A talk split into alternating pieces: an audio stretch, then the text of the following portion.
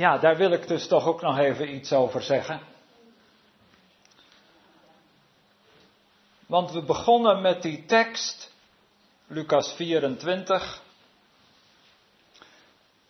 vers 26. Moest de Christus dit niet lijden? Om in te gaan in zijn heerlijkheid.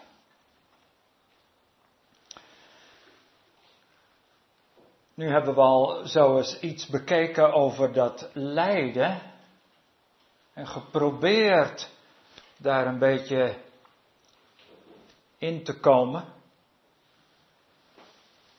Maar nu dat ingaan in zijn heerlijkheid. Ja, dat is toch ook wel heel bijzonder.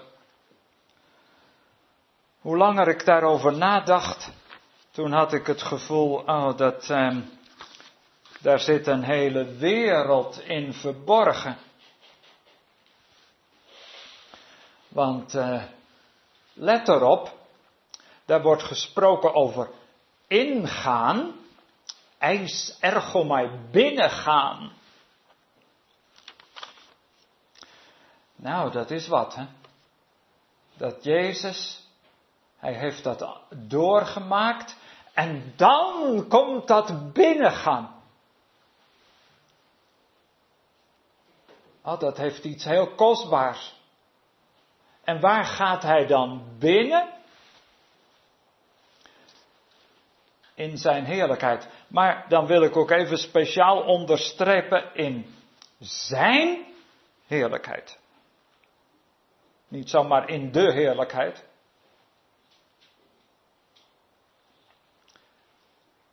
Maar in zijn speciaal dat bezittelijk voornaamwoord, dus het gaat daar over zijn eigen heerlijkheid.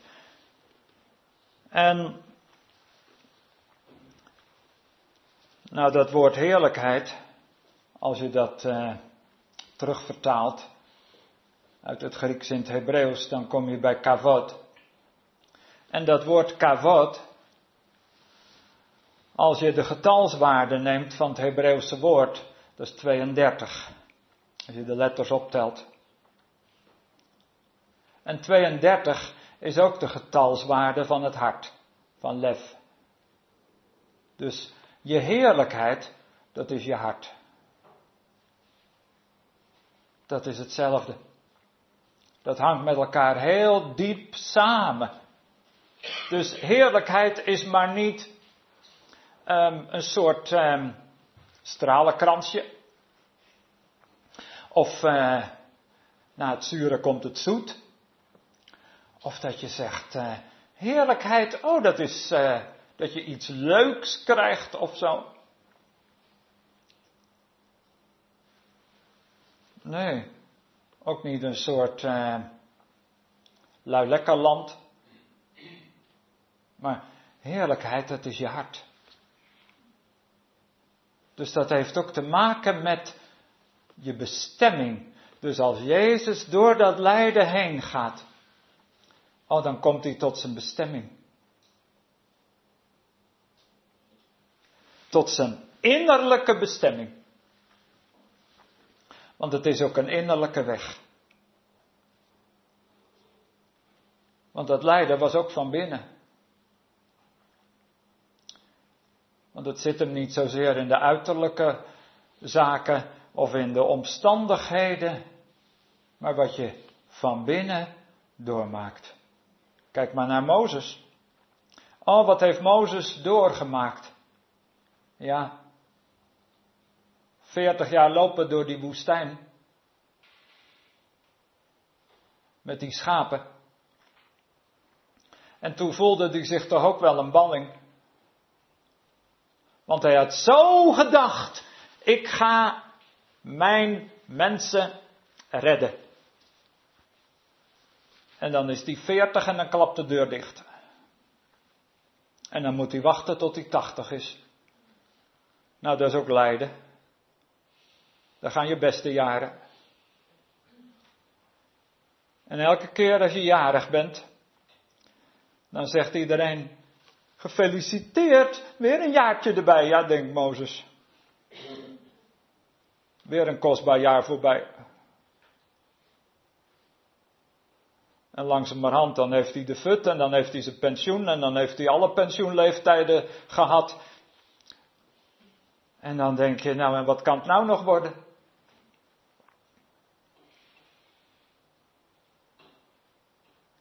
Nou kan ik alleen nog eh, pijnzen over mijn oude dag. En dan is die tachtig. En dan zegt God tegen Mozes, zullen we? Wat zegt u? Het wordt langzamerhand tijd, joh. Wat? Ja, zullen we eens beginnen? En dan staat Mozes daar bij dat brandende braambos. En oh, dan voel je. Dan heel voorzichtig gaat het lijden over in heerlijkheid. Maar ja, dat is fase 1. En dan komt fase 2. En dan loopt hij 40 jaar door de woestijn. Nu niet met schapen, maar met mensen. En soms was het voor Mozes ook zo zwaar. Dat hij s'avonds naar God ging en dat hij zei: God, moet ik dat hele volk dragen? Een heel volk op mijn nek. Als u nog eens wat weet. En dan voel je, Mozes die gaat er doorheen en soms gaat hij er bijna onderdoor. En het kost hem ook nog het beloofde land. Want Deuteronomium zegt, Mozes ging het land niet in ter wille van u. Ter wille van het volk. Numeri heeft een andere kant van de zaak, maar dat is de kant van Deuteronomium. Mozes als voorbidder. En heeft zo gebeden voor zijn volk. Dat hij er zelf niet meer in kwam. En dat is het verhaal van Jezus. Jezus heeft zo gebeden voor zijn discipelen. Dat hij er zelf niet meer in kwam. En hij werd aan het kruis gehangen. Vader, laat deze vrij uitgaan. Neem mij dan maar.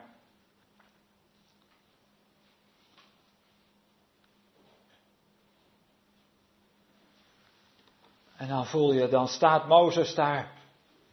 Oh, en aan het eind. Oh, dan uh, heeft hij fase 1 gehad, 40 jaar woestijn. Heeft fase 2 gehad, weer 40 jaar woestijn.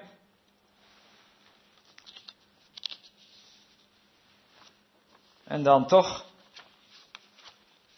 dan staat er iets heel bijzonders in Exodus 33. Exodus 33.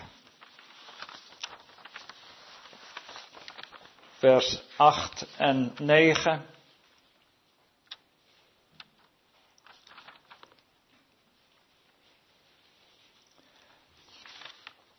En het geschiedde.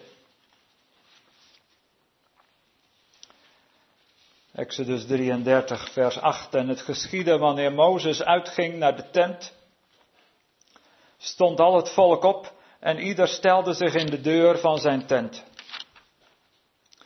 En ze zagen Mozes na, totdat hij de tent ingegaan was. En het geschiedde als Mozes de tent was ingegaan, zo kwam de wolkolom nederwaarts. En hij stond in de deur van de tent en hij sprak met Mozes. Ah, dat is de heerlijkheid.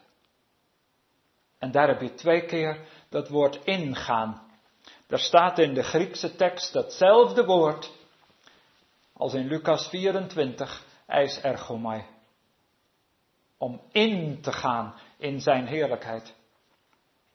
En hier staat het ook om in te gaan in die tent. En als Mozes daar in die tent gaat, oh, dan is daar de wolk, de Shechina, de doxa, de heerlijkheid van God. En dan mag Mozes het ervaren. En misschien heeft Mozes toen wel gedacht. Hier was het voor. Nu weet ik waarvoor. Heel die lange weg. Om zo bij God te zijn. Om zo te ervaren je innerlijke bestemming. Om thuis te zijn bij Hem. En aan het eind, in Deuteronomium 34, oh, dan heeft Mozes heel die tocht volbracht. Je zou kunnen zeggen, heel die lijdensweg. Hij mag het land niet in. Dat is zijn lijden. Oh, maar daar, in dat laatste hoofdstuk van Mozes, daar eindigt Mozes. Dan staat hij op de berg Nebo. En zijn oog was niet verdonkerd en hij heeft het hele land gezien. En dan zegt die oude Engelse zanger, o laat ons staan als Mozes hier, hoog in uw zonneschijn. En geen Jordaan, geen doodse rivier zal scheiding voor ons zijn. Ah, oh, dan kan Mozes daar staan. En hij voelt zich heel dicht bij God. Zodat de rabbijnen zelf zeggen, God heeft hem thuis gehaald met een kus.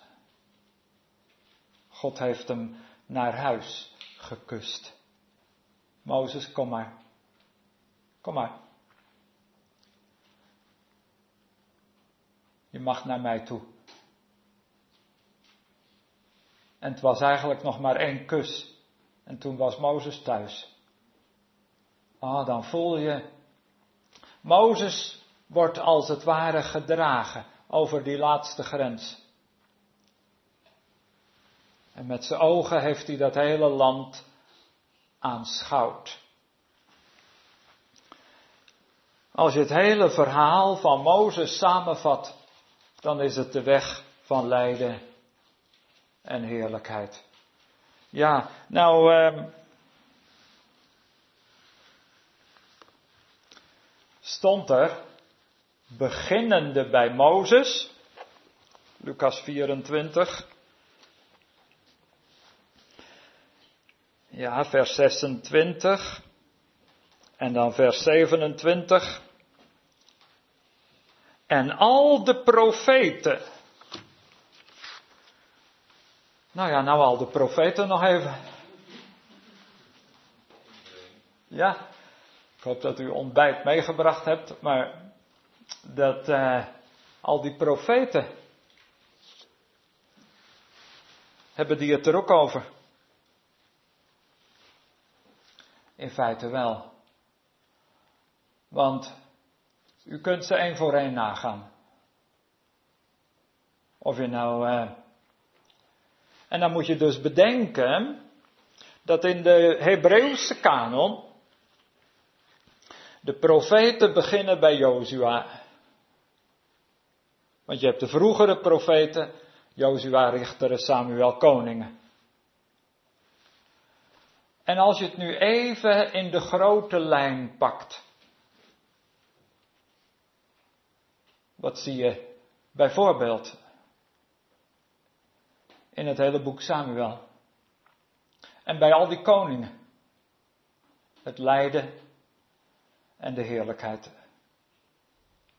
En daar wordt telkens gesproken over de gezalfde. David, de gezalfde. En de gezalfde, dat is de Mashiach. En als je dat vertaalt, is het de Christus. Dus als je kijkt naar heel de weg van David, wat heeft hij niet moeten lijden? Het hele boek Samuel getuigt ervan. Als David moest vluchten. Als David in de spelonk vertoefde. Hij zegt, het is maar één stap tussen mij en de dood. Wou vluchten, maar kon nergens heen. Dat kon David elke dag wel zingen. En hij kon ook elke dag wel zingen, gij weet hoe ik zwerven moet op aard. Psalm 56. En als je aan David vraagt, hoe was het? Nou, dan kan hij een heel verhaal vertellen. Over diepten en spelonken. Over eenzaamheid en verraad. En dan zegt hij, en zo kwam ik tot mijn heerlijkheid. Mijn innerlijke bestemming.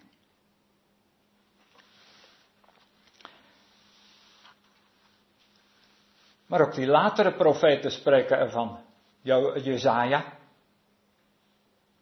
Jezaja vertelt ook heel het verhaal van ballingschap. En van troost, troost mijn volk, zegt uw God. Jezaja vertelt over de leidende knecht, de knecht des Heren, die in hoofdstuk 42 wordt geroepen, zie mijn knecht, die ik verkoren heb. Maar in Jezaja 49 zegt die knecht, ik heb me vergeefs ingespannen. In Jezaja 50 gaat het weer een stap verder en in hoofdstuk 53 is het geworden de leidende knecht.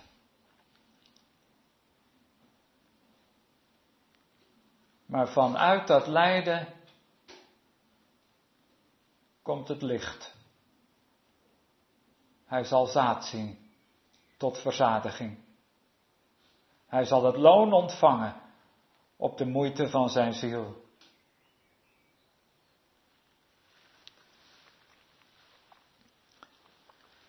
Nou, Jeremia, Jezaja, Jeremia, nou, Jeremia, als er één profeet het lijden heeft doorgemaakt.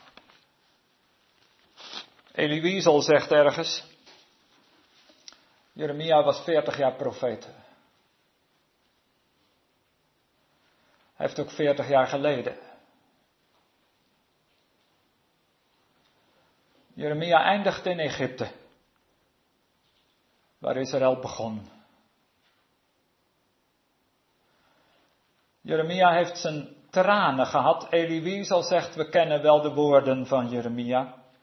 We kennen niet zijn stilten. Maar zijn stilten zeggen misschien nog meer dan zijn woorden. Een profeet die zwijgt. Zeg eens wat. Nee, ik zeg niks. Ja, maar je bent toch profeet? Ja, daarom juist. Want profeet, dat is misschien soms vooral zwijgen namens God.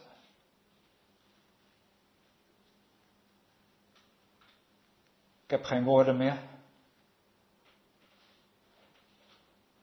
Net als die dichter Maria gezegd heeft. Ik kan proberen te spreken. En dan kan ik me zo vergissen. Maar als ik stil ben, dan zwijg ik zijn lof. Dan zegt God tegen de engelen, hoor je die profeet zwijgen? Oh, dat raakt de bodem van Gods hart. Voel je Jeremia, die heeft daar zo zijn weg gegaan vaak in eenzaamheid. Maar hij heeft ook geweten van de heerlijkheid. Om maar één tekst te noemen, Jeremia 17, vers 12. Daar heb je het dan. Jeremia 17, het twaalfde vers. Troon der heerlijkheid. Nou, daar heb je in de Griekse tekst dat woord doxa. Het Hebreeuwse woord kavod. Kisei kavod. troon der heerlijkheid. En dat is een gebed. Oh, dat is een gebed van Jeremia. Dat is mooi. Als een profeet gaat bidden, dan is die vaak op zijn best. Ja. En dan zie je Jeremia daar staan bidden. Troon der heerlijkheid. Jeremia 17, vers 12. Want dat is God. God is de troon van onze heerlijkheid. En dan zegt hij in vers 13, O Heere, Israëls verwachting. Daar staat het woord mikwe. Je kunt ook vertalen, O Heere, mikwe. Het waterbad van Israël. Want mikwe is ook het waterbad van de doop. U bent het waterbad van Israël, o God. Oh mensen, Jeremia die gaat daar staan bidden, maar hij bidt vanuit zijn tranen, vanuit zijn diepte. Genees mij, heren, dan zal ik genezen zijn. En daarin beleeft hij de heerlijkheid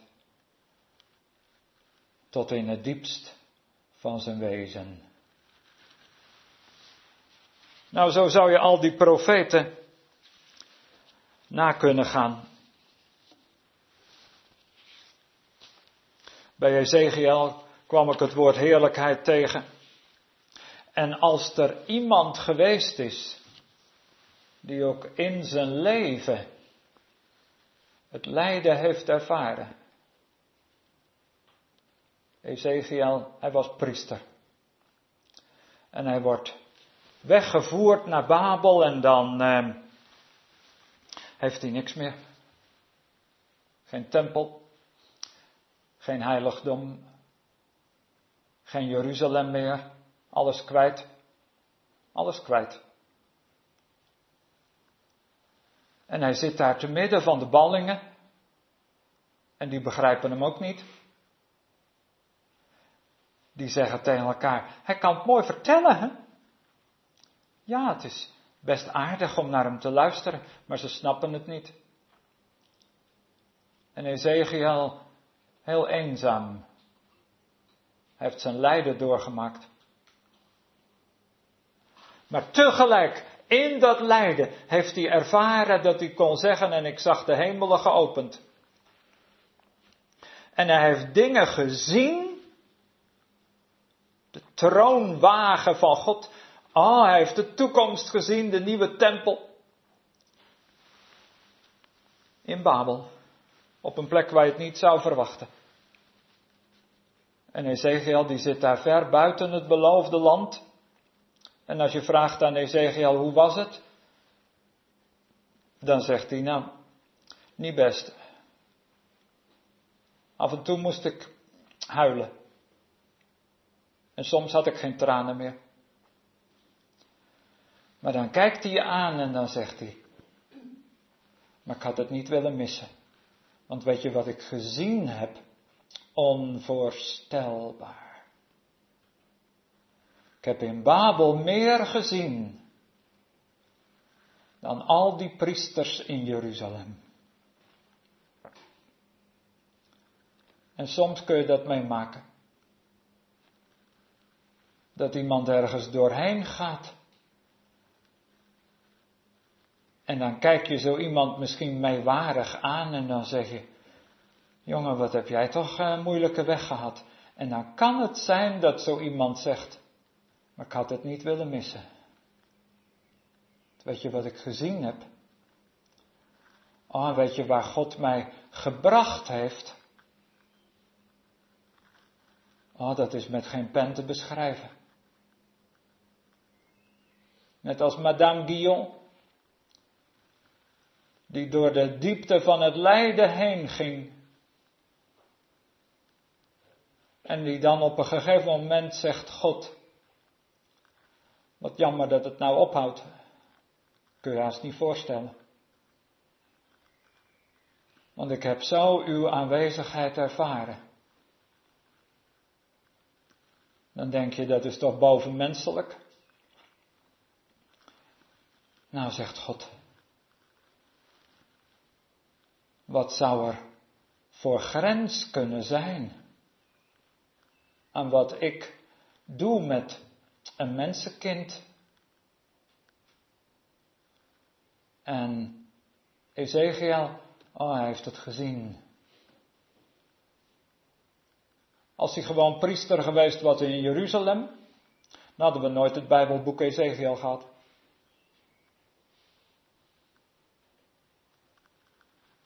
Weer een Bijbelboek minder. Als er geen ballingschap geweest was, dan hadden we geen profeten gehad. Jezaja niet, Jeremia niet, Ezekiel niet, Hosea ook niet. Die heeft ook staan janken bij zijn huwelijk. En dan zegt hij, God, wat doet u me aan?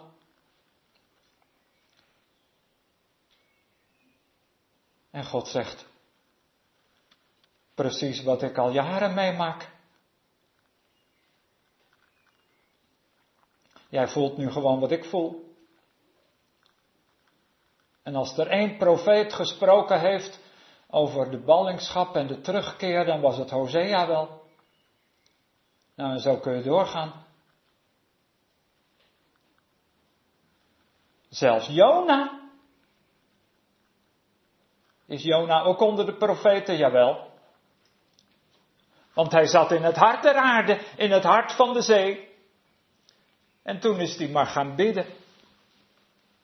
Een prachtige psalm moet je eens lezen, Jona 2. Een schitterend lied. En als Jona dat nooit had meegemaakt, die diepte, dan hadden we nooit Jona 2 gehad. Uit de benauwdheid heb ik geroepen. Oh, dat hele lied dat Jona zingt. En dan zeg je, ja, maar daar kun je toch niet bidden? Nee, zegt Jona, dat dacht ik ook. Daar kun je ook niet bidden. Ik snap het ook niet, maar ik heb wel gebeden. En toen werd die vis een tempel. En de vis is ook het beeld van de ballingschap. Ah, oh, dan denk je. En Jezus zegt, kijk maar. Het teken van Jona. Dat ben ik. En dan denk je, oh mensen, al die profeten. Al die profeten hebben erover gezongen, hebben erover gesproken. En ze hebben het heel diep in hun hart doorleefd. Door de afgrond heen. En ze hebben op plaatsen waar het niet kon, heerlijkheid ervaren. Daar kan een tempel zijn. En toen hebben ze het geweten. Wat er staat in Psalm 21. Want daar komt dat woord heerlijkheid ook weer voor. In de Griekse vertaling. Want dan staat er in uh, Psalm 21. Daar gaat het over de koning. Psalm 20 is het lijden. En Psalm 21 is de heerlijkheid.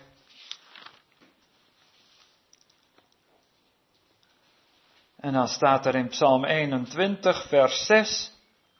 Groot is zijn eer. Maar er staat eigenlijk groot is zijn heerlijkheid. Door uw heil, majesteit en heerlijkheid hebt gij hem toegevoegd. Die koning, dat is Jezus. Oh, ik vind het altijd zo mooi om die Psalm 21 te zingen in de oude berijming. Dat doen we bij ons af en toe. En dan denk je, kijk, dat is het. Hè? Hij heeft, o God, van u begeerd het onvergankelijk leven. Gij hebt het hem gegeven. Zo zijn de dagen hem vermeerd. Zo leeft de vorst altoos, zo leeft hij eindeloos. Dat is de Christus. O alvermogend opperheer, wat glans, wat majesteit, hebt gij die vorst bereid. Gewis, gij zult alle eeuwen door hem met uw gunst verzellen en tot een zegen stellen. Ja, gij geleidt hem op het spoor der vreugde, bij het licht van het goddelijk aangezicht. De koning rust, en die koning is Jezus, de koning rust op uw trouw. O eeuwig opperwezen, uw goedheid nooit volprezen, dult niet dat hij ooit wankelen zou. Nee, de Allerhoogste zal hem hoeden voor de val. Bijna gevallen, ten dode toe. Tot in het dodenrijk. Nedergedaald. Maar de Allerhoogste zal hem hoeden voor de val. En dan komt de vader en hij zegt, mijn zoon, ik haal je weer omhoog. En nu krijg je jouw eigen heerlijkheid. En daar mag je ingaan. Ah, oh, mensen. Dus eh, bij wijze van spreken. Want aan het eind van Lucas staat ook Mozes en de profeten en de psalmen. Dus toen Jezus alles verteld had van Jeruzalem naar Emmaus. Uit de boeken van Mozes en uit de profeten. Toen zaten ze daar aan tafel in Emmaus en Jezus brak het brood met hen. Toen hadden ze bij wijze van spreken kunnen zeggen, zullen we nu samen Psalm 21 nog zingen als slotlied. En dan opeens is Jezus weg uit hun ogen. En weet je wat die twee mannen doen? Die rennen het heel terug. Die gaan meteen, retour afzender, die gaan weer naar Jeruzalem. Weer 11 kilometer. Nou, weer 60 stadien. Die gaan meteen diezelfde avond nog terug naar Jeruzalem. Ze hebben wat te vertellen. Dus toen kregen ze daar die Bijbelstudie nog een keer. Voel je, dat, uh, dat is het geheim. Was ons hart niet brandende. En branden, dat heeft ook te maken met de Torah. Want de rabbijnen zeggen, de Torah is het vuur. Oh, nou, daar gaan we mee eindigen. Dat is dus uh, dat principe. Door het lijden tot heerlijkheid. Dat is dat goddelijke patroon. Goddelijke heerlijkheid. Dat is die eeuwige gedachte van God. Vader, zo willen we u danken. Dat we er iets van mogen meekrijgen. Dat u het wilt brengen in ons hart. Oh, soms kun je het niet begrijpen. Zoveel lijden. Gisteren zei iemand nog, ja het valt niet mee om oud te worden. En waarom moet dat allemaal zo? En waarom is er zoveel leed, ook onder kinderen Gods? En dan soms kun je het niet vatten en niet verklaren. En soms loop je net als die Emmausgangers met je ziel onder je arm en je weet het niet meer. Maar o God, we bidden u dat u dan naast ons wilt gaan. Soms denk ik dat gij pijnzend naast mij gaat, dat ik elk ogenblik uw stem kan horen.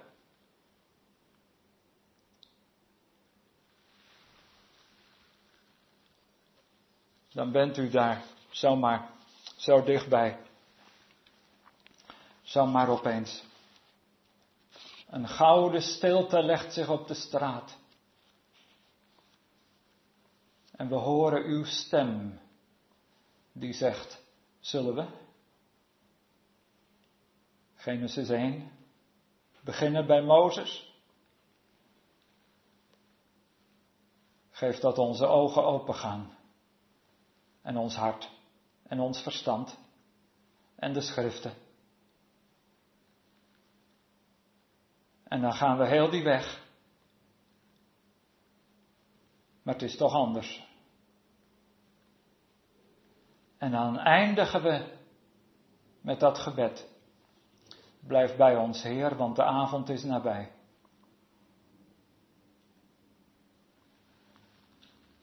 Toe, blijf nog even. Doe de gordijnen nog niet dicht. Doe het licht nog niet op. En hou nog even mijn hand vast. En spreek nog een keer. En genees mijn ziel, want van u is de heerlijkheid.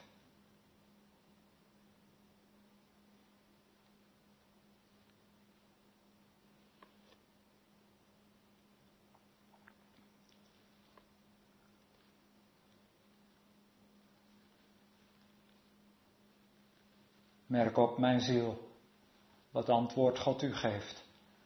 Amen.